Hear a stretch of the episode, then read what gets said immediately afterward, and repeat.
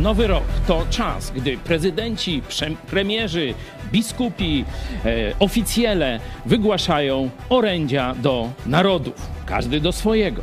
Zastanówmy się, kiedy byśmy wyobrazili sobie, że Bóg dzisiaj staje i ma możliwość mówić do wszystkich Polaków, to co by im powiedział? Nie będzie to science fiction ponieważ mamy w Biblii zapis tego, co powiedział przez apostoła Piotra, najpierw do Żydów, a potem przez apostoła Pawła do wszystkich narodów. Spróbujemy porównać te orędzia i zobaczyć, co i jak Bóg powiedziałby dziś do Polaków.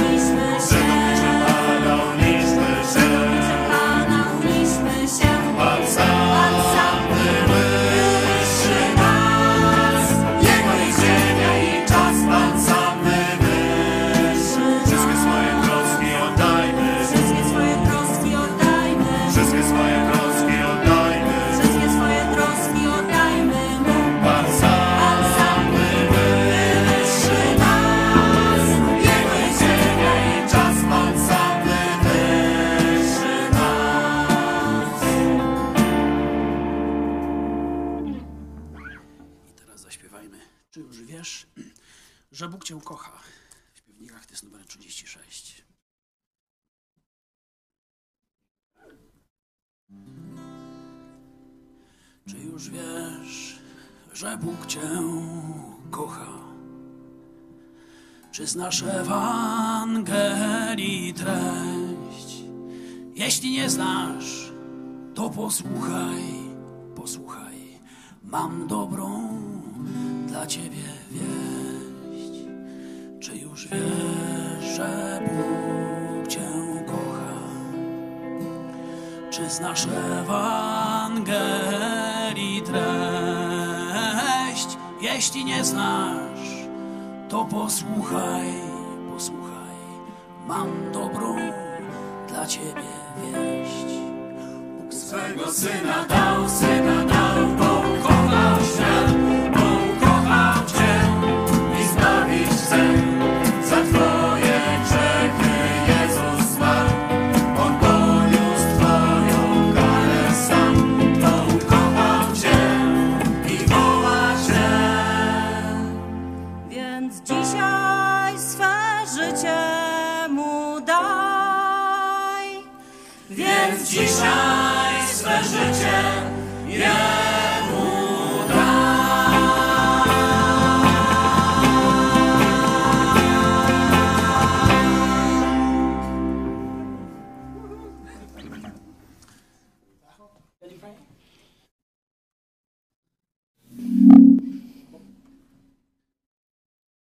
Čujem, halo?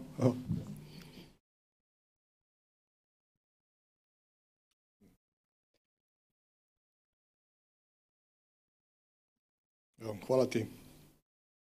Hvala ti, gospodine Isuse, na ovom danu, na svim ovim predivnim trenucima, što si nam omogućio da budemo u zajedništvu, da budemo s tobom, da tebe slavimo, hvalimo, da proslavljamo Tvoje ime, proslavljamo sve ono što si učinio za nas na Golgoti, što si dao svoj život, pravednik za nas, nepravedne. Hvala ti, Gospodine, na Tvom evanđelju, upravo tome. Hvala ti da što nas podsjećaš na to i što stalno ti misliš o nama, što misliš o svemu onome što nama treba, o svim našim potrebama, o svemu onome što nam što si naumio za nas i dijela koja si pripremio za nas, buduće da opet tebe slavimo. Hvala ti što nas bodriš, hrabriš, vodiš, što misliš. Hvala ti gospodine što si ti alfa i omega svega, što držiš sve u svojim rukama i što ništa bez tvog znanja, tvog uvida ne može proći. Hvala ti što smo mi u tvom uvidu, gospodine, svi ovdje zajedno, koga nas ima, gospodine, blagoslovi svakog pojedinačno od nas tu, vodi nas, ohrabri, potiči nas, vodi nas svojim duhom, da stvarno budemo sol, a i da budemo posude, da možemo prenijeti poruku koja je tako važna za sve i za sve ljude, za, i za naše narode. Evo ja govorim u ime hrvatskog naroda i, i Hrvata gdje živim. Gospodine, eto, molim te dolje gdje smo, gdje živimo, da, da podigneš svoje zajedništvo crku, da, da što više vidimo ploda Tvojega, Gospode, i da se što više Hrvata obrati. Tako isto te molim za Poljsku i za moju braću ovdje, da te hvala i slave i da stvarno, gospodine Jođu Poljskog, promijeniš srca ljudi i promijeniš im živote i svoj identitet, da ih nanovo rodiš. Eto, gospodine, molim te za mir, molim te za, za vlade, za government, za vlade, za predsjednike, da stvarno vide tko si ti, gospodine, da se promijenu, počnu promijenjati mišljenja u našim domovinama, ne samo našim, nego svim, gospode. Stvarno, tvoje srce da, da se svi ljudi spase i da svi vide tvoje dijelo, gospode, na Golgoti što si učinio. Tako, gospode, i mi želimo istim duhom proslavljati tebe i širiti tvoje evanđelje dalje. Eto, gospode, daj nam mir, hrabrosti, mudrosti i odgovornosti, volje, htjenja, želje, traženje, ufanja, ojača nam vjeru, osnaži nas u vjeri i neka bude po tvojoj volji, gospodine. Eto, gospodine, još jednom stvarno želimo te, volimo te i želimo, gospodine, da što dođeš prije, ko što apostol Ivan u otkrivenju kaže, dođi, gospodine Isuse Kriste, evo i mi govorimo ovdje, dođi, gospodine Isuse Kriste. Amen. Amen.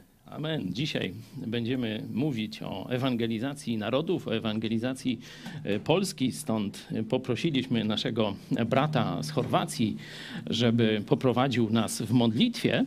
E, Tak pokrótce powiem, choć tu nie nastąpiło takie pomieszanie jak między Polakami, a na przykład Węgrami czy Niemcami, że nic tam się nie rozumie, tak na pierwszy rzut oka, tylko myślę, że większość z tego, co nasz brat z Chorwacji mówił, rozumieliście mówił o e, Ewangelii, o tym, co Jezus zrobił dla nas na Golgocie. E, Dziękował Jezusowi za to. Prosił o Kościół w Chorwacji i w Polsce, żeby pamiętał o Ewangelii, żeby pamiętał, że Jezus jest Alfa i Omega.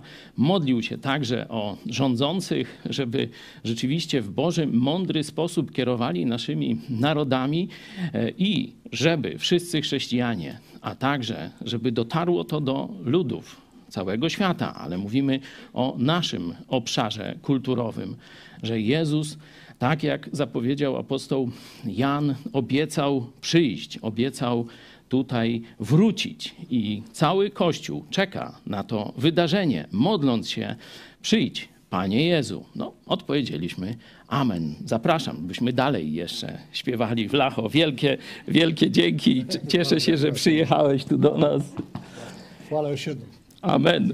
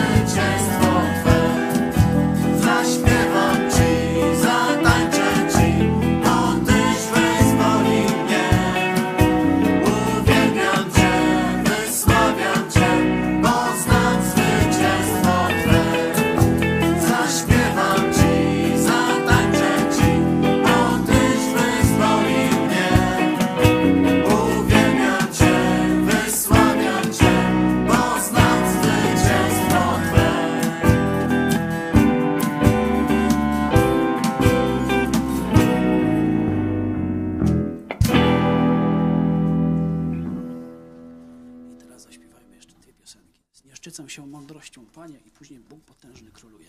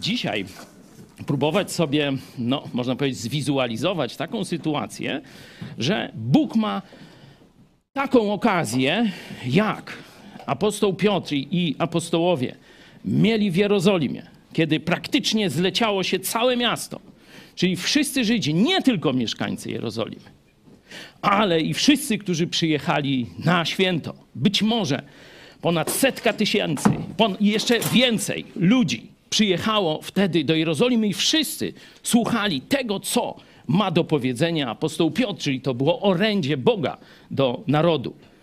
Potem podobne wydarzenie mamy w historii narodów pogańskich. Mamy Areopag, mamy, można powiedzieć, intelektualne centrum świata pogańskiego, świata narodów. Areopag w Atenach, w Grecji.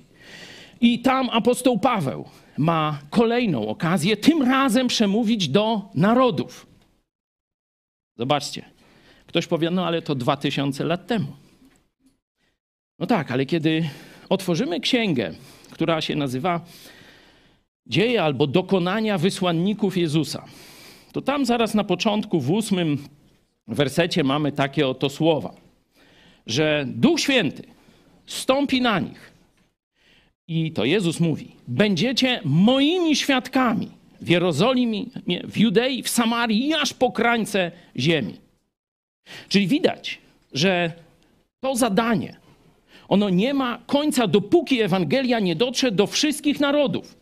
Do narodu chorwackiego, serbskiego, macedońskiego, słoweńskiego. Właśnieśmy dostali lanie od Słoweńców, no ale to wczoraj było. Oczywiście do polskiego, ukraińskiego i tak dalej, i tak dalej. Aż po krańce ziemi. Czyli zadanie jest w ciągłej realizacji. Jezus, który dał ten nakaz, który dał tę misję, wczoraj i dziś i na wieki ten sam. Duch Święty, tak samo jak był w apostołach, jest w nas. Czyli ta księga, a dokładnie dokonania wysłanników Jezusa, one się jeszcze nie skończyły. One się rozgrywają teraz w naszym pokoleniu. To my mamy tamtę misję, która się zaczęła w Jerozolimie, kontynuowana była na Areopagu w Grecji. Ona ma dzisiaj być kontynuowana w, w Polsce, w Trójmorzu, w Chorwacji, gdzie tam jesteśmy w tej chwili. To jest nasze zadanie. Jezus ten sam, Duch Święty ten sam, nakaz ten sam. No i dzisiaj, porównując te dwa orędzia, które najpierw apostoł Piotr dał Żydom, szczególny naród, długo przygotowywany, i potem apostoł Paweł dał narodom świata, mówiąc do elity elit, czyli do właśnie tych zgromadzonych na Aeropagu. Jeśli chciałby ktoś pogłębić, może jeszcze dodać przesłanie do elity rzymskiej, czyli list do Rzymian, ale my dzisiaj e, skupimy się na tych dwóch orędziach z dziejów apostolskich. Przeczytajmy najpierw, to są no, dość długie fragmenty, waham się, czy czytać je w całości, byście nie posnęli, chociaż to Słowo Boże. Przeczytajmy wstęp, jak Bóg i ludzie przygotowali się do orędzia tego w Jerozolimie i tego w Atenach, czyli drugi rozdział od 11 do 13. Żydzi. Zarówno Żydzi, jak prozelici, Kreteńczycy i Arabowie, słyszymy ich, jak w naszych językach głoszą wielkie dzieła Boże. Zdumieli się wtedy wszyscy i będąc w niepewności, mówili jeden do drugiego: Cóż to może znaczyć? Inni zaś, drwiąc, mówili: Młodym winem się upili.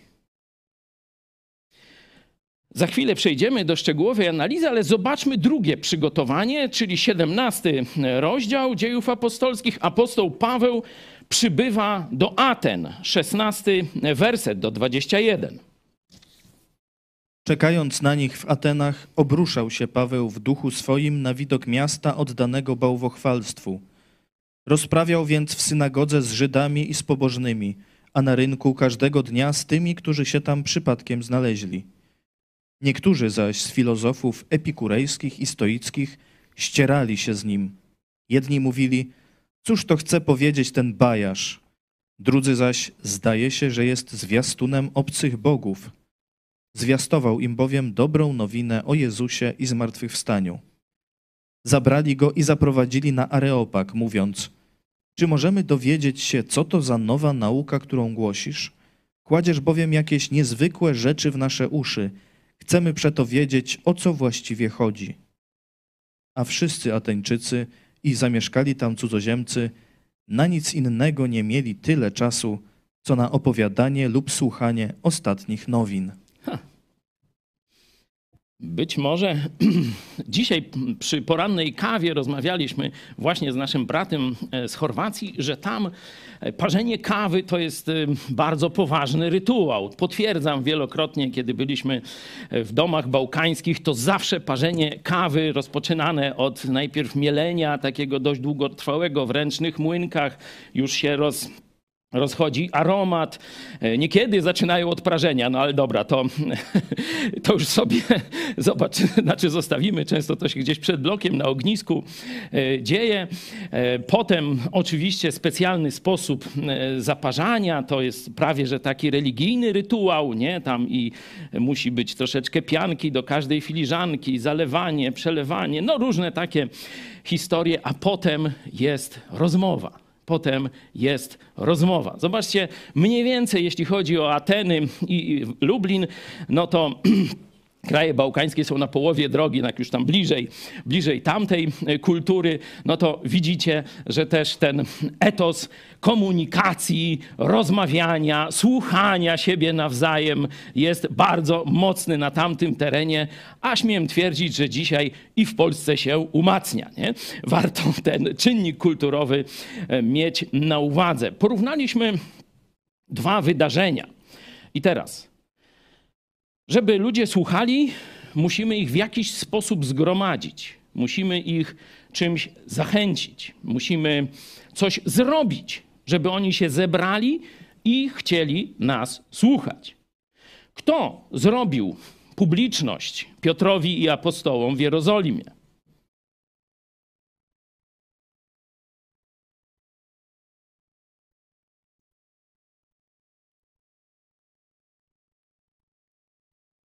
Jaka była zasługa apostołów? Siedzieć i czekać. Chodzili codziennie do świątyni, modlili się z radością, oczekiwali na to wydarzenie, no ale ich rola tu była niewielka, a Boga wielka. Widzimy cudowne działanie.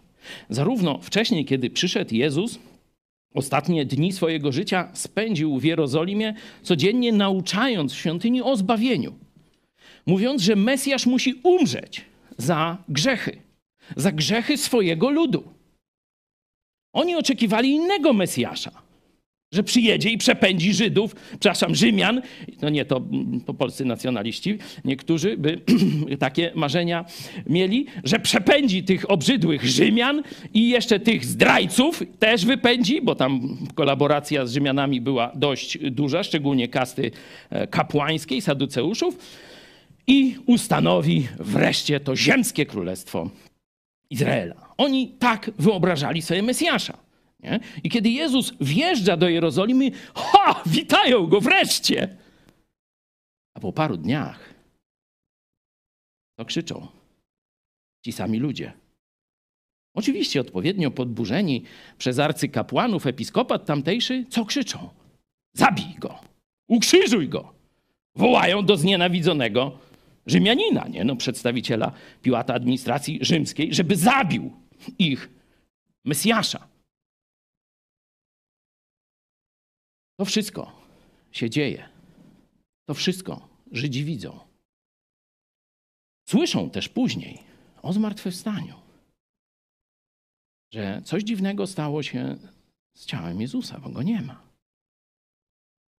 A apostołowie Dają świadectwa, że on się im ukazuje i coś mówi. Żydzi nie wiedzą, co o tym myśleć.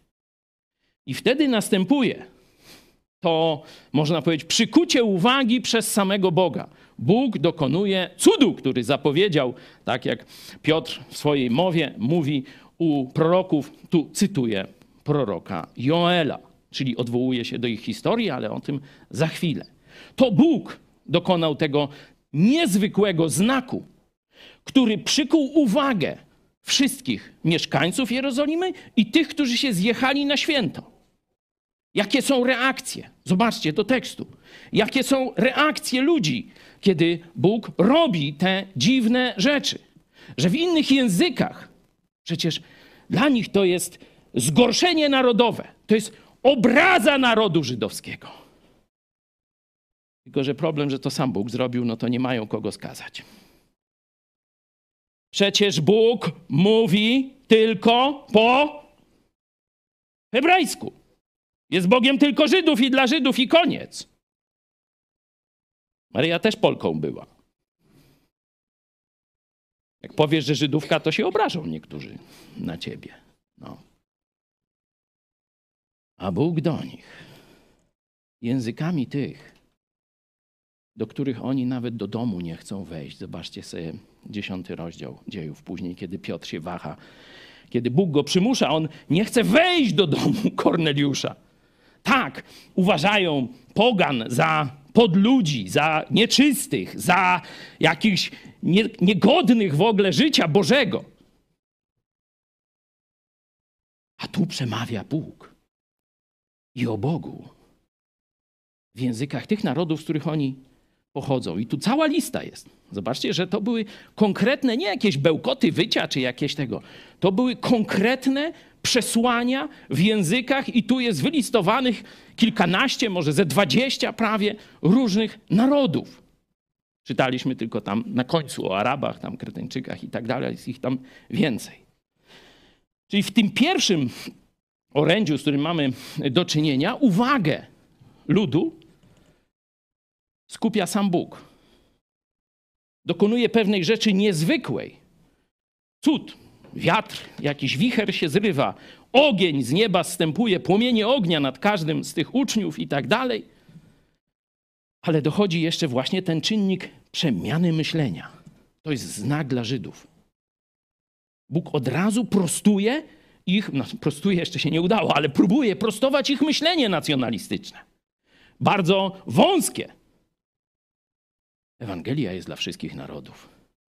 Jezus umarł nie tylko za Żydów. Jezus umarł za Polaków, Chorwatów i tak dalej, i tak dalej. Umarł za każdego człowieka na ziemi. To jest to przesłanie. Czyli ich takie wąskie myślenie o Bogu ten sam cud przełamuje. I w tym momencie, już napełniony Duchem Świętym, Piotr wraz z jedenastoma występuje i zaczyna mówić. Co mówić, to zobaczymy. A teraz przenieśmy się do Aten. Jaki tu cud widzicie? W tym opisie, preludium do zaproszenia Pawła, do orędzia dla pogan, dla narodów. Jaki cud widzicie w wersetach 16-21? Żaden. Gwarom niektórzy. Nie ma cudu. Co mamy? Kolei. Mrówczą, pozytywistyczną, organiczną pracę apostoła Pawła. Co on robi? No, najpierw idzie oczywiście do Żydów. Tam mieszkają też Żydzi w synagodze z Żydami i z tymi pobożnymi prozelitami, czyli ludźmi z innych narodów, którzy przeszli na religię mojżeszową. Nie? Rozprawia z Żydami prozelitami.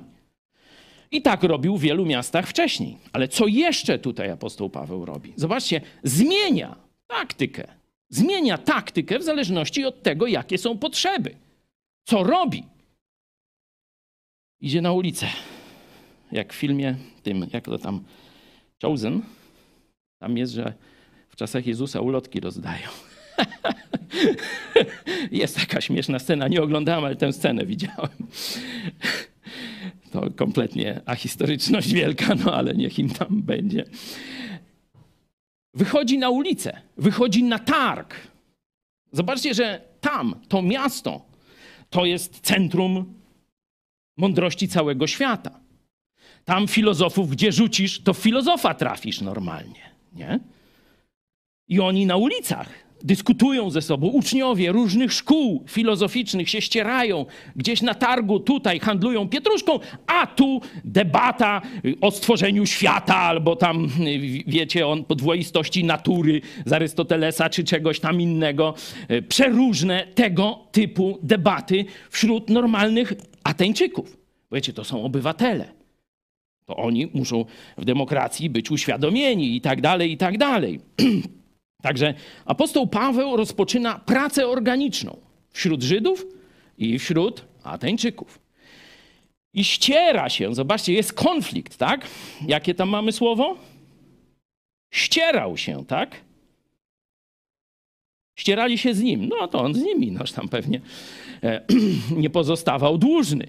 Nie? Czyli mamy konflikt. No, konflikt przyciąga ludzi. Nie? To wiemy. Coraz tam gdzieś w nagłówkach różnych tam e, tych y, mediów, to powiedział ten poseł, a ten powiedział, że to głupia baba. Nie? Nawet niedawno mieliśmy program na temat jednej takiej. Nie? Ale to zapraszam na trzynastą.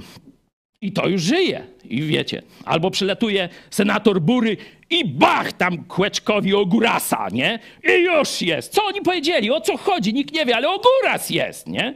Jeden mówi, ruski ogórek. On mówi, nie ruski, tylko tam białoruski. No i jest już konflikt i tak dalej. W każdym bądź razie jest konflikt. No to stwierdzają, niech ten konflikt się rozegra w Sejmie. Nie? Czy tam, no to trochę coś więcej niż Sejm.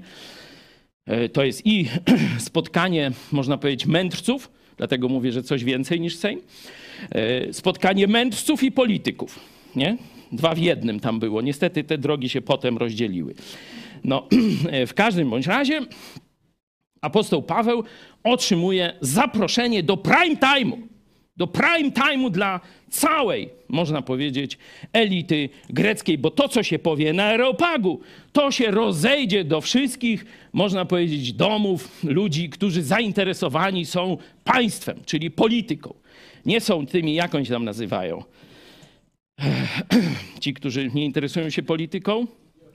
Idiotes, nie? Zobaczcie, dzisiaj też można tu różne zastosowania przeprowadzić. Nie? Czyli nie do idiotów apostoł Paweł adresuje tu swój przekaz, ale do ludzi zaangażowanych losem narodu, tym, co się dzieje naprawdę w tym narodzie, jak go poprawić, jak zmienić i tak dalej, czyli do ludzi polityki. Nie?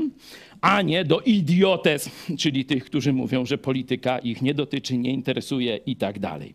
Rzeczywiście, polityka to trudna sprawa, żeby się w tym dobrze ogarnąć. Nie jest łatwo. Nie jest łatwo, ale staramy się po to też, żeby pomóc w tym zakresie chrześcijanom, istnieje telewizja Idź Pod Prąd. Nie mamy tu cudu żadnego. Jakie wnioski? W jednym momencie mamy apostołów, którzy, można powiedzieć, biernie czekają, a Bóg dokonuje wszystkiego.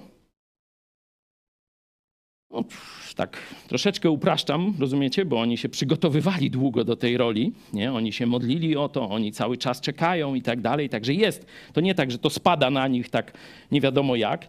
Jezus zapowiedział, oni robią to, co trzeba, czekają, tam różne próbują rzeczy, to czytajcie sobie w pierwszym rozdziale. Ale powiedzmy, że ich rola jest znikoma w tym przykuciu uwagi społeczeństwa, nie? w tym przygotowaniu żeby społeczeństwo, naród usłuchało Ewangelii. W drugim przypadku mamy całkowicie organiczną pracę apostoła Pawła. On wykorzystuje wszystko, co wie na temat tej kultury, na temat jej zwyczajów, picia kawy, czy słuchania filozofów, czy kupowania e, zwyczajów, o której najwięcej ludzi, bada statystyki, nie? Tak jak myśmy badali na Placu Litewskim, kiedy jest najwięcej ludzi i tak dalej, różne takie rzeczy. On to na swoją miarę robi, ale zobaczcie, jak apostoł Paweł się wcześniej przygotował. Apostoł Paweł oczywiście zna pisma Starego Testamentu. Słuchał apostołów i pierwszych chrześcijan, bo pamiętamy, że to on pilnuje szat tych, którzy zabijali pierwszego chrześcijańskiego męczennika Szczepana. I zaraz będziemy mieli ślad tego w tym, co mówi do narodów, do Greków. Ale apostoł Paweł, wbrew temu, co niektórzy, nawet pastorzy, potrafią mówić, nie czytajcie gazet, nie czytajcie książek, nie czytajcie filozofów, nie interesujcie się kulturą, czytajcie tylko Biblię. Apostoł Paweł nie słuchał. On czytał, zanim poszedł do Greków, to studiował ich historię i ich literaturę, by mógł sypać cytatami. I zobaczcie, te cytaty z niebiblijnej literatury, czyli z polityki, z historii, z kultury, znalazły się w Biblii. No najbardziej znany Kreteńczycy zawsze ugarze brzuchy leniwe. To jest Słowo Boże. Ale wypowiedziane przez żadnego z apostołów.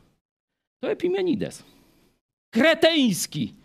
Zobaczcie, obraza narodu kreteńskiego. No już by miał paragraf, nie? To się nazywa paradoks właśnie Epimenidesa, że on, Kreteńczyk, mówi o Kreteńczykach takie słowa i w liście do Tytusa mamy Pawła, który szeroko cytuje. A teraz w tym swoim orędziu również cytuje. Zobaczmy, poszukajcie gdzie. A ja łyknę.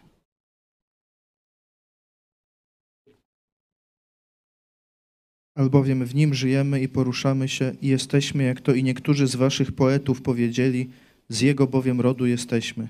Amen. Zobaczcie, jakie głębokie prawdy o Bogu znajdują się u poganina. U poganina. I apostoł Paweł je cytuje tutaj jako prawdę o Bogu, jako słowo Boże praktycznie. Bo on swoim już teraz apostolskim autorytetem potwierdza, że to jest prawda o Bogu. To, co powiedział tamten filozof. Macie dowód. Jeśli ktoś chciałby więcej przeczytać, to nawet na Wikipedii już dość dużo znajdziecie o tym filozofii. Ja polecam wam książkę Wieczność w ich sercach, Don Richardson. O, tu siedzi też drugi redaktor tej książki. Pozdrawiamy, Piotrze. E, dawno, dawno temu wydaliśmy tę książkę, jak ja to tłumaczyłem najpierw, później no to już inni też czytali, no to mi włosy normalnie, gały wychodziły mi. Wow, takie rzeczy? Ja o tym nic nie wiem? Mnie w szkole o tym nie uczyli? No nie uczyli. No nie uczyli i nie uczą dalej. Także kto chce więcej zobaczyć tło tej ewangelizacji w Atenach, no to zachęcam do przeczytania sobie tej książki. Czyli mamy przygotowanie, etap przygotowania. U apostołów w Jerozolimie jest inny, u apostoła Pawła jest inny. On najpierw studiuje kulturę. Oczywiście zna doskonale język, zna myślenie, poznaje zwyczaje. Teraz prawdopodobnie on wcześniej nie był w Atenach. Zobaczcie, obchodzi to miasto, żeby nasiąknąć jego kulturą, jego myśleniem. No wkurza się, nie? Zobaczcie pierwszy werset tego obchodu. Paweł wkurzał się w duchu, widząc takie bałwochwalstwo. Świat, na świecie nie widział takiej koncentracji bałwochwalstwa jak właśnie w Atenach. No ale nic, ścierpiał to i myśli, jak do tych ludzi, pomimo ich skrajnej durnoty religijnej, skrajnego bałwochwalstwa i zaprzeczenia wszystkiego, co o Bogu można się dowiedzieć, jak dotrzeć z przesłaniem Ewangelii. No to zaraz będziemy mieli drugi etap, czyli pierwsze to przygotowanie. I tu musimy pamiętać, że Bóg jest z nami. Bóg dzisiaj też może dokonywać cudów. Bóg przecież teraz dokonał wielkiego poruszenia wśród Polaków w wyniku wojny Putina, kiedy przyjęliśmy miliony ukraińskich sierot, dzieci, matek i tak dalej, i tak dalej. I do dzisiaj pomagamy. To jest wielkie wydarzenie i pastorzy chrześcijańscy, chrześcijanie ukraińscy mówią, że to musi coś dać w narodzie takie poruszenie musi coś zmienić w narodzie. No i czekamy na tą zmianę. Nie? Czyli z jednej strony musimy być świadomi, obserwować, co Bóg robi w naszych społecznościach, w naszych narodach, ale z drugiej strony musimy codziennie robić swoje. Mieć pomysł, na, najpierw poznać dogłębnie kulturę, historię, etc., a potem do tego, co znamy z historii i do tego, co dzieje się dzisiaj, opracować strategię ewangelizacji narodu i z tym wyjść do narodu. I Bóg pobłogosławi. Tak właśnie powstała telewizja Idź Pod Prąd w 2016 roku. Codzienne nadawanie. Z człowiekiem z, powiedzmy, środowiska kojarzonego z nacjonalizmem. No i pastora. No i Eunika jeszcze między nami. Nie? To były pierwsze programy, ale o tym nie będę dużo mówił, ale widzieliście lawinowy wzrost zainteresowania Biblią. Ja tam za każdym razem mniejszym egzemplarzem, no a tu mam duży, nie, wymachiwałem. No i ludzie zaczęli masowo, no toż coś tam w tej Biblii jest, że on tak ciągle macha, coś tam cytuje, jakieś fajn, fajniuśkie kawałki, bo wybierałem takie, wiecie, żeby poruszały e, różne rzeczy adekwatne do sytuacji, którąśmy omawiali. No i wiecie, jak tysiące ludzi usłyszało w ten sposób Ewangelię. A podobno w Polsce nie dało się zainteresować Biblią Polaków. Noż jak nie dało, jak się dało. Także chwała Bogu. Z jednej strony cud Boga, działanie nadprzyrodzone Boga, działanie na masową skalę Ducha Świętego. Ale z drugiej strony nasza praca i mądre zastosowanie wiedzy, którą Bóg nam daje z historii, z polityki, z kultury i tak dalej. Dopiero to razem Bóg pobłogosławi. Tak było wtedy, tak będzie i teraz jest w Polsce.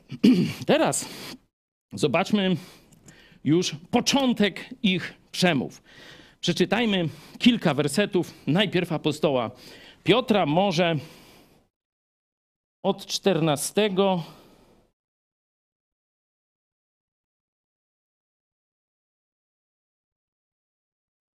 do 16. 14-16. Na to powstał Piotr wraz z jedenastoma, podniósł swój głos i przemówił do nich. Mężowie judzcy i wy wszyscy, którzy mieszkacie w Jerozolimie, niechże wam to będzie wiadome. Dajcie też posłuch słowom moim. Albowiem ludzie ci nie są pijani, jak mnie macie, gdyż jest dopiero trzecia godzina dnia – ale tutaj jest to, co zostało zapowiedziane przez proroka Joela.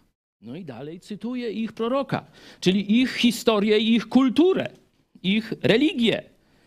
Bo dla Żydów to było jedno historia i religia, nie? prawdziwa religia, prawdziwa wiara w Boga. Nie? Mieliśmy dwie reakcje. Pierwsza to poruszenie, jakieś nie wiedzą o co chodzi. Jak to tam oni będąc, zdumiewali się wtedy wszyscy i będąc w niepewności mówili jeden do drugiego, cóż to może znaczyć? Czyli są w fazie przejścia. Stało się coś niezwykłego, oni są niepewni. Bo kiedy jest stabilne życie, to ludzie są w miarę pewni, wszystko jest przewidywalne, raty kredytów i tak dalej. A teraz są w fazie przejścia. Zaczynają się bać. Nie wiedzą, co się dzieje, szukają wyjaśnienia. Oczywiście część drwi, ale drwiąc, musieli zwrócić uwagę na to, co się tam stało.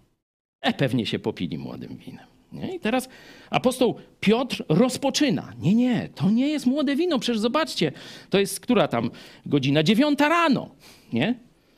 To jeszcze monopolowe są nieczynne. Nie? To nie jest to. I mówi, to jest wypełnienie naszej historii. To jest wypełnienie naszej historii, którą Bóg nam objawił w dawnych czasach, którą czytamy w synagogach, którą znacie. Tę historię Bóg teraz właśnie zrealizował. Tę zapowiedź teraz, w naszych czasach się dzieje. Zobaczmy teraz apostoła Pawła, jak sobie radzi e, w Grecji. Od 22 No, tylko 22 i 23. A Paweł, stanąwszy pośród Areopagu, rzekł: Mężowie ateńscy, widzę, że pod każdym względem jesteście ludźmi nadzwyczaj pobożnymi. Przechodząc bowiem i oglądając wasze świętości, Znalazłem też ołtarz, na którym napisano nieznanemu Bogu. Otóż to, co czcicie nie znając, ja wam zwiastuję. Amen. Agnosto Teo, nieznanemu Bogu. To jest cała historia. To nie jest tylko, że to był jakiś pomniczek, ktoś tam się podrapał po głowie i se napisał kredą nieznanemu Bogu. Cała historia związana właśnie z ratunkiem, który z Krety do Aten przyniósł Epimenides, jest opisana w tej książce, ale także kto tam nie chce książki, to nawet na Wikipedii możecie sobie poczytać. Dla wielu to jest wiarygodniejsze źródło. Ja bym jednak uważał. Szczególnie jeśli chodzi o informacje na temat naszego kościoła, to takiego steku bzdur to dawno nie czytam. Jest oczywiście tam część prawdy, jak to tam muszą jakoś udawać, no ale y, ogólnie, że tak powiem, życzliwość wielka bije z tego opisu. E, I miłość chrześcijańska, bo to podobno niektórzy, którzy twierdzą, że są chrześcijanami, piszą o nas te e, kalumnie, ale to już inna e, historia. Apostoł Paweł po pierwsze mówi: Rozumiem waszą kulturę. Rozumiem waszą kulturę. Ale rozumiem też wasz problem. Pomimo całej swojej religijności, nie znacie Boga. I macie nawet w swojej historii na to dowód, że nie znacie Boga. I to, co nie znacie, ja wam dzisiaj objawię. No i zaczyna. Jeśli byśmy, już chcę troszeczkę skracać, jeśli byśmy porównali dalej wypowiedź apostoła Piotra i teraz apostoła Pawła do Greków, to nie znajdziemy tam dużo na temat Ewangelii. To jest dla nas pewna bardzo ważna uwaga. Nie spieszmy się z powiedzeniem człowiekowi Ewangelii. Nie spieszmy się. Najpierw upewnijmy się, że on jest gotowy, żeby słuchać. O, tu pastor Paweł Machała całe szkolenie ewangelizacyjne miał. Jest też książka na ten temat. Pomożecie mi? Taktyka. Nie? Tam więcej znajdziecie na ten temat. Oba te kazania, te orędzia Boga, najpierw do Żydów, a potem do narodów, zawierają bardzo mało Ewangelii, a bardzo dużo. Najpierw ten pierwszy etap, przygotowanie. No bo pierwszy to był skupienie uwagi. Nie? To jest co innego. Ale teraz już mamy to kazanie, to orędzie Boga. I jest nawiązanie do ich historii, nawiązanie do tego, co wiedzą i pokazanie im, zaciekawienie im ich tym, czego nie wiedzą. I dopiero na samym końcu pojawia się zmartwychwstały Chrystus. Zobaczmy, żeby już troszeczkę przyspieszyć, zobaczmy tylko u apostoła Pawła, czyli to kazanie do Polaków, Chorwatów, Greków i tak dalej, czyli do narodów, od 18, przepraszam, od 24 wersetu. Paweł mówi: Otóż to, co czcicie nie znając, ja wam zwiastuję. To przeczytajmy teraz od 24 do 29. Bóg, który stworzył świat i wszystko, co na nim, ten, będąc Panem nieba i ziemi, nie mieszka w świątyniach ręką zbudowanych, ani też nie służy mu się rękami ludzkimi, jak gdyby czego potrzebował, gdyż sam daje wszystkim życie i tchnienie i wszystko. Z jednego pnia wywiódł też wszystkie narody ludzkie, aby mieszkały na całym obszarze ziemi, ustanowiwszy dla nich wyznaczone okresy czasu i granice ich zamieszkania, żeby szukały Boga, czego może nie wyczują i nie znajdą, bo przecież nie jest On daleko od każdego z nas, albowiem w Nim żyjemy i poruszamy się i jesteśmy, jak to i niektórzy z waszych poetów powiedzieli, z Jego bowiem rodu jesteśmy. Będąc więc z rodu Bożego, nie powinniśmy sądzić, że bóstwo jest podobne do złota albo srebra, albo do kamienia, wytworu sztuki i ludzkiego umysłu. No, obraza uczuć religijnych, naśmiewanie się z dogmatów, to nowa ustawa, kłania się wszem i wobec. No, ale wtedy ludzie byli, jak mówiłem, mądrość nie odeszła od polityków jeszcze e, wtedy, także takie rzeczy w ramach wolności słowa można było nawet najwyższym dostojnikom greckim w Atenach mówić prosto w twarz i oni się nie oburzali, tylko słuchali. No niech powie. Potem tam część się zaczęła śmiać, wiesz, to takie tam, ale niech se powie. To była, zobaczcie, ważna lekcja wolności i tolerancji, wolności słowa i tolerancji do innych przekonań.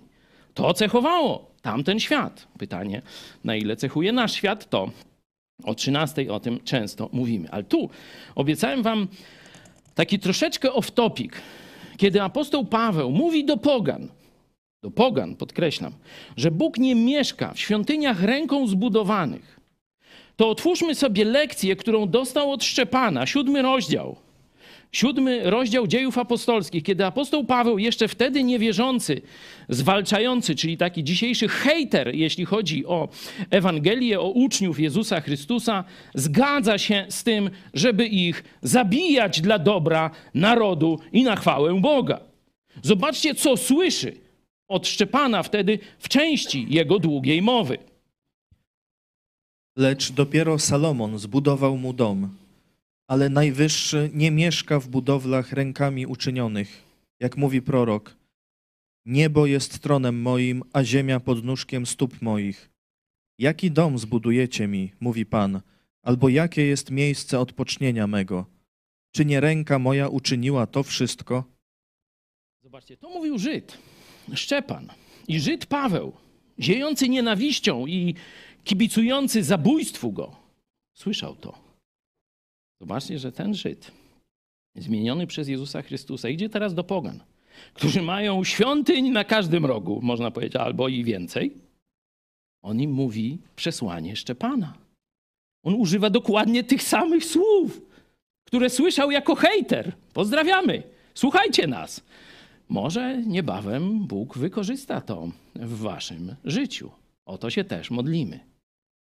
To taki off-topic. Zobaczcie, Żyd, który wtedy zwalczał to właśnie, co mówił Szczepan, że Bóg nie mieszka w świątyniach ręką zbudowanych. Tak, kazał zbudować tę świątynię, ale chyba nie pomyślicie, że wszechmocny Bóg, Pan Wszechświata, mieszka w tej świątyni, że się tam zmieści. Katolicy poszli dalej. Tu się mieści. No, że tak powiem, mają pomysły, mają rozmach, no różne tam rzeczy. Od czego zaczyna apostoł Paweł ewangelizację? Nie krytykować, nie mówić rzeczy nieprzyjemnych, głaskać, miziać. To jest konkret. Gdybyście zobaczyli działanie Boga do Żydów, którzy są skrajnymi nacjonalistami, to już nawet nie Piotr, bo on na to jeszcze nie był gotowy, ale sam Bóg dokonuje wstrząsu ideologicznego. Że prawdy o Bogu w pogańskich, pogardzanych językach, a nie po żydowsku, nie po hebrajsku, są głoszone. Bóg mówi: koniec tego etapu, zaczyna się nowy etap.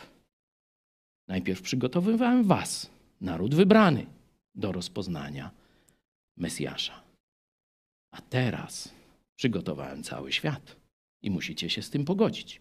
Zapraszam, włączcie się do tego. No i część apostołów, znaczy wszyscy apostołowie, choć z oporami, włączyli się do tego procesu i spora część Żydów, no bo e, przecież wielu, wielu Żydów zaczęło głosić Ewangelię później w Antiochii właśnie e, Grekom, czyli poganom. Żeby człowiek mógł zrozumieć Ewangelię, no to po pierwsze musi ją usłyszeć, a żeby usłyszeć, musi zostać jakoś zainteresowany. Musi też w tym, który mu głosi, rozpoznać człowieka, z którym się może dogadać, który zna jego historię, myślenie, kulturę i tak dalej. No i teraz ten punkt, o którym mówimy. co zrobił apostoł Paweł albo co zrobił Bóg, mówiąc nie po żydowsku. Potem Piotr dokłada jeszcze, a wyście go zabili, mówi do Żydów, a wyście go zabili.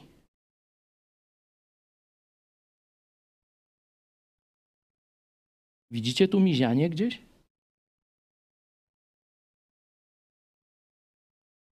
Ewangelia to jest rewolucja w życiu, a nie ewolucja. To żeby doszło do rewolucji, to człowiek musi się zderzyć ze ścianą. Wszystkie jego wyobrażenia fałszywe, związane z Bogiem, muszą lec w gruzach.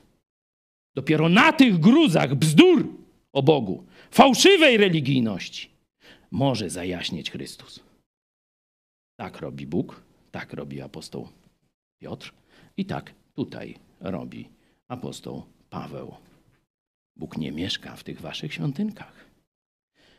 Oczywiście może mówić to spokojnie, delikatnie, ale w sposób jasny, klarowny i pewny. Nie żeby się domyślali tego. Mówi wprost.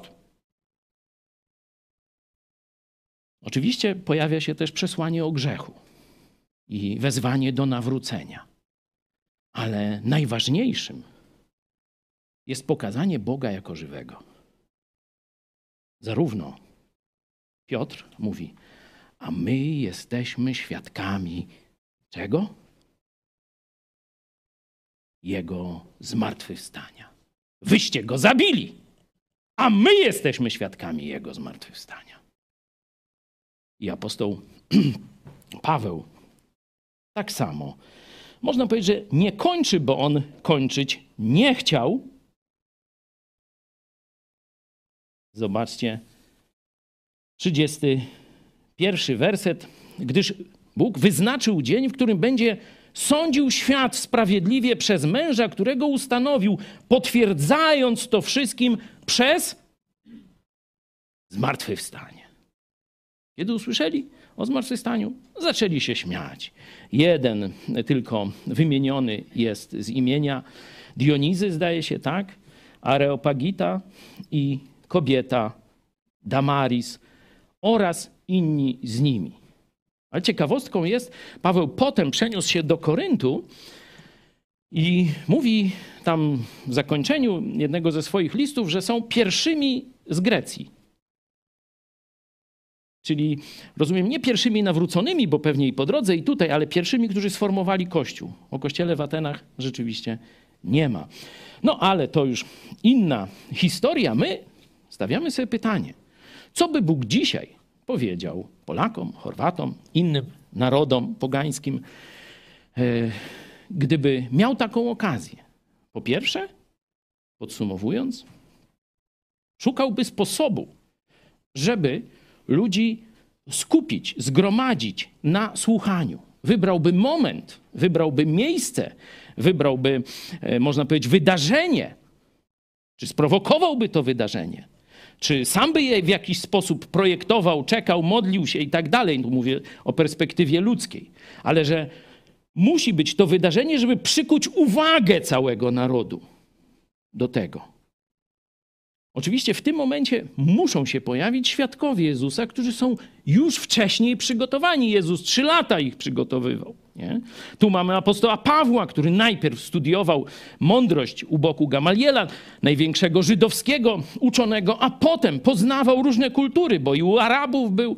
Mamy tam, że trzy lata w Arabii spędził. Tu mamy dowód, że znał doskonale, na pamięć mógł cytować greckich filozofów, Czyli musi mieć Bóg ludzi, świadków, którzy są przygotowani. Oczywiście pełni Ducha Świętego, no to oczywista oczywistość. Mówię o takich elementach, które nie zawsze nam przychodzą do głowy. I zarówno w przypadku Żydów, jak i w przypadku Pogan, to przesłanie musi nimi wstrząsnąć. Musi zburzyć fundamenty ich fałszywych wyobrażeń o Bogu. Musi zburzyć fundamenty fałszywej religii. Dopiero wtedy są gotowi, żeby zrozumieć przesłanie Ewangelii, dobrej nowiny o przebaczeniu grzechów przez Jezusa Chrystusa. Jeśli i ten moment wcześniejszy nazywa się preewangelizacją. I on różnie wygląda. Zobaczcie, że apostoł Paweł opowiada im, już nie czytaliśmy, sami sobie możecie doczytać, opowiada o stworzeniu. Jaki, Bóg, w jaki sposób Bóg stworzył świat, po co stworzył narody. Zobaczcie, oni zajmują się polityką. To jest świat Aten, polityka, nie? A on im mówi, po co Bóg stworzył polis, narody, tam etne, nie? Do czego? Jakie jest zadanie narodów? Czy bogacić się, czy armię, czy podbój świata? Nie, żeby poznały Boga. Jak? Przez Jezusa Chrystusa. I czwarty, ostatni punkt tego orędzia to jest pokazanie, że Chrystus żyje, zmartwychwstał i żyje. Będziecie mi świadkami w Jerozolimie, w Judei, Samarii i aż po Lublin, Białystok, Dzikie Pola, no tam różne dalej już nie będę wchodził. To jest dzisiaj nasz czas. Nie jesteśmy apostołami w tym sensie, że nie objawiamy nowej prawdy o Bogu, ale jesteśmy świadkami. Bo to, co Bóg objawił przez apostołów, my teraz światu głosimy. W tym sensie jesteśmy w tym samym dziele, co apostołowie. W tym sensie dzieje apostolskie trwają do dziś, a my piszemy kolejny rozdział docierania z Ewangelią do narodów. Wiemy, że Bóg przygotował nasz naród, czyli Bóg odpowiedział na nasze modlitwy i modlitwy wcześniejszych pokoleń. Jest wstrząs. Wstrząs zarówno taki bytowy, powiedzmy, stabilizacja, koniec historii. To nawet prezydent Duda powiedział, że to już głupoty, nie? że koniec historii to mit, że już tylko będziemy się bogacić i spokojnie żyć i będzie demokracja i, i, i ciepła woda i szynka i tam kawior nawet może później, nie? Bzdury. Będzie ciężko. Ludzie się boją. Ludzie nie są pewni swojej przyszłości. No to jeśli nie koniec historii, nie Unia Europejska, nie Uny nam dadzą, że tak powiem, wszystko, co nam do życia potrzebne, no to kto? Jak chce teraz poradzić? Czyli mają egzystencjalne pytania? No i Bóg dołożył kompletną porażkę religii panującej w Polsce. Wreszcie. To się dzieje to samo, co w XVI wieku. Tam wtedy Kościół katolicki poniósł kompletną porażkę przez właśnie odejście od prawdy Słowa Bożego, a zwrócenie się ku bogactwu, ku niemoralności, ku przekupstwu, ku nierządowi. I Luter mówił: To Babilon, to wielka prostytutka. Wystrzegajcie się tego, wyjdźcie stąd. No i wyszli. No i zobaczcie, że dzisiaj już tylko kilkanaście procent wierzy w katolickie gusła. To już są badania nawet katolickie. Nie żeby jakieś świeckie. Jest taki instytut tam jakiejś statystyki Kościoła katolickiego i on to przedstawia. Jeszcze w paru diecezjach tam gdzieś, Tarnowska gdzieś tam do, dochodzi do 20%, ale kiedyś było 80% w diecezji tarnowskiej. To się za naszego życia. To już za twojego życia się to dzieje. Z 80 na 20 w Tarnowie i okolicach, znaczy już w Tarnowie pewnie mniej, ale w okolicach to jeszcze. A w całej Polsce już tylko kilkanaście. A było 70, niektórzy się chwalili, że 90 i tak dalej. A młodzież? A młodzież to już dzikusy. To już w ogóle inna bajka. To już Zachęcam do przeczytania tej książki e, Wieczność w ich sercach, bo tam właśnie jest jak do różnych dzikich narodów docierał i ludów, gdzieś w różnych dżunglach pochowanych, jak docierała Ewangelia, bo dzisiaj będziemy mieć dwa zadania. Z jednej strony do starszego pokolenia, które jeszcze to tak jak Żydzi właśnie. Znają coś o Biblii, wiedzą coś o zmartwychwstaniu, nawet może i raz w roku czytają Biblię, nie? Różne rzeczy się dzieją tam tego, nie? A oni, mówię, tam ludzkim głosem przemawiają, a tu się otwiera Biblię raz w roku i na pamięć może i ktoś już, bo ileś tych wigilii było, no to może i już na pamięć nawet fragmenty Biblii mówią. Kto był ministrantem? Ilu tu z was było ministrantami? Ręce w górę. Proszę. No z dziesięciu by tu tak, o, tam widzę jakieś, jakieś lobby ministrantów jest, no. No toż jakście czytali, musieliście tam uczyć się czytać fragmentów Biblii, to niektórzy może i zapamiętali. Czyli to jest to pokolenie, które ma pewne analogie do Żydów Starego Testamentu i tu bardziej strategia i metody apostoła Piotra, no i mamy pokolenie dzikich. No to tu już apostoł Paweł i historia misji. To jest nasz czas. Naprawdę wielkie rzeczy Bóg robi i w Polsce, i zobaczcie w całym Trójmorzu. To, co się dzieje na Ukrainie. Co wcześniej, zobaczcie, stało się z Ukraińcami. Że oni dużo bardziej masowo odpowiedzieli na Ewangelię niż Polacy. Przecież to my pierwsi w latach 70., Joe Łosiak i tak dalej, nie? Ruch Azowy, Campus Crusade. Ale potem to zamarło gdzieś w latach 90. I dopiero teraz zaczynamy znowu, mówię nie tylko o naszym środowisku, ale we wszystkich innych kościołach ewangelicznych, coś się zaczyna dziać. Znowu wracają te misyjne nadzieje, jeśli chodzi o naród polski. A Ukraińcy robili to cały czas, przez ostatnie 20-30 lat.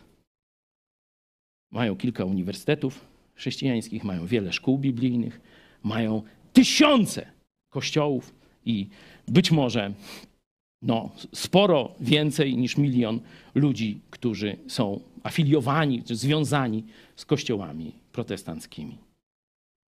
I zobaczcie, jakie mają owoce, jak ten naród się zmienił. Przecież propaganda rosyjska, rozpoznanie razwiedki rosyjskiej mówiło, że nie ma takiego narodu jak Ukraińcy. I że oni przywitają Armię Czerwoną jak wyzwolicieli. No jak przywitali? No i do dzisiaj tak witają. Prawie rok czasu. Zobaczcie, jaka siła ducha, charakteru i tak dalej. Nie? Dlatego też wspieramy ich ciągle na różne sposoby, ale też pamiętajmy o modlitwie za naród ukraiński. Wielkie rzeczy w ostatnim roku Bóg zrobił w naszym obszarze geopolitycznym. Polacy są znani na całym świecie z tego, co tu się wydarzyło. Gdzie nie pojedziesz, to uczciwi ludzie z szacunkiem znowu mówią o Polakach. Czyli mamy nie tylko okazję do ewangelizacji Polski, ale mamy pewien, można powiedzieć, już zadatek na ewangelizację Trójmorza, co, że tak powiem, od wieków było w dużej części naszą misją. Pytanie teraz. Czy jesteśmy przygotowani? No to już czasu się nie nadrobi. Co zrobiłeś przez ostatnie 3-4 lata? Czym się zajmowałeś? Co czytałeś? Co studiowałeś? Co przeglądałeś na fejsiku czy, czy, czy w ogóle w internecie? Jak wykorzystałeś ten czas? Jaki jest, jaka jest Twoja relacja z Bogiem? Bo to ludzie pełni Ducha Świętego zostali przez Boga użyci. Jak dzisiaj jesteś, można być no, to ruskie w kontakcie, ale jak, dajcie mi inne słowo, no, żeby nie było po rusku. Weź jakoś w kontakcie. W relacji ze światem. Część chrześcijan się zamyka. Część chrześcijan, tak jak katolicy w zakonach.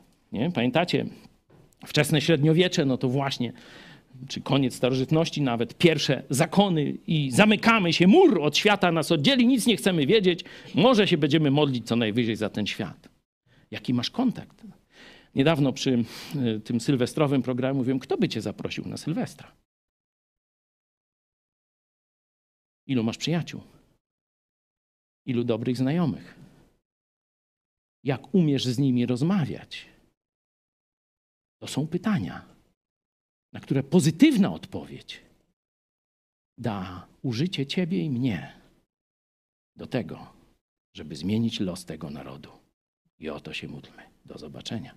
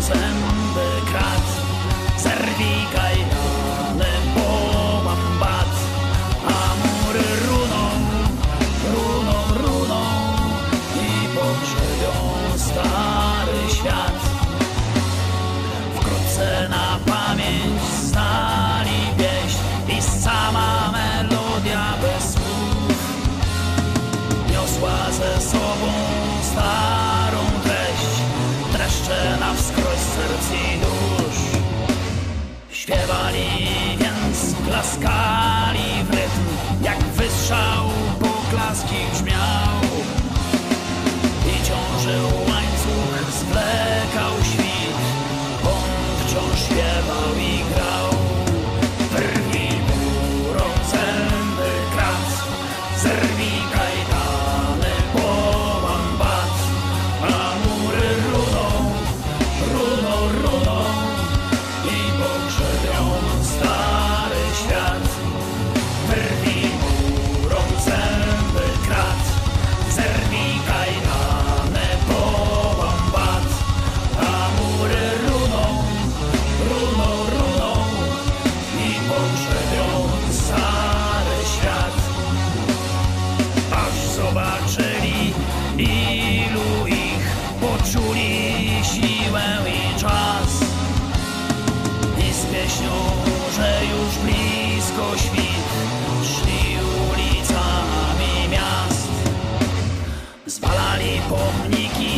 pomniki i rwali próg, ten z nami, ten przeciw nam.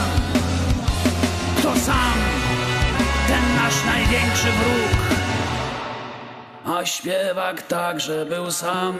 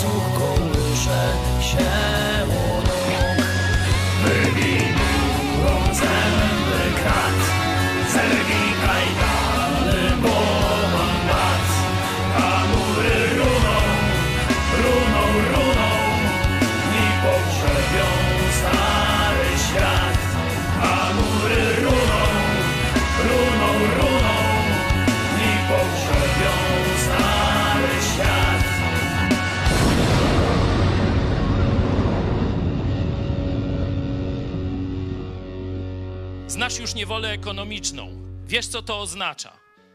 Wielu z Was ma bliskich, którzy nie mogą być dzisiaj tutaj z Wami, którzy wyjechali za chlebem. Nie 100 lat temu, tylko 5 lat temu, 2 lata temu, a niektórzy z Was dzisiaj myślą o tym, żeby wyjechać za granicę, bo już tu nie możecie żyć. Jeszcze niedawno mówiono nam, że komunizm upadł. Największy system niewolniczy w dziejach, że już nie istnieje. No to jeśli tak, to dlaczego wy, dlaczego my ciągle jesteśmy w niewoli? O tym wszyscy wiemy. Ale jest niewola jeszcze gorsza. Jest niewola, z której nie wyzwoli cię wyjazd za granicę. Jest niewola, którą znasz doskonale. Każdego dnia, jak się budzisz, masz wyrzuty sumienia. Jezus Chrystus, On umarł za ciebie na krzyżu. Nie tylko umarł, On żyje. O tym zaświadcza Jego słowo. On zmartwychwstał i żyje. I tylko On może złamać niewolę Twojego serca, złamać niewolę grzechu. Jezus przyszedł, abyś już dłużej nie żył w niewoli. On chce skruszyć kajdany Twojego grzechu. On chce dać Ci prawdziwą wolność. Najpierw wolność wewnętrzną od grzechu, a potem wolność w każdej innej dziedzinie życia. Jeśli syn Was wyswobodzi, prawdziwie wolnymi będziecie.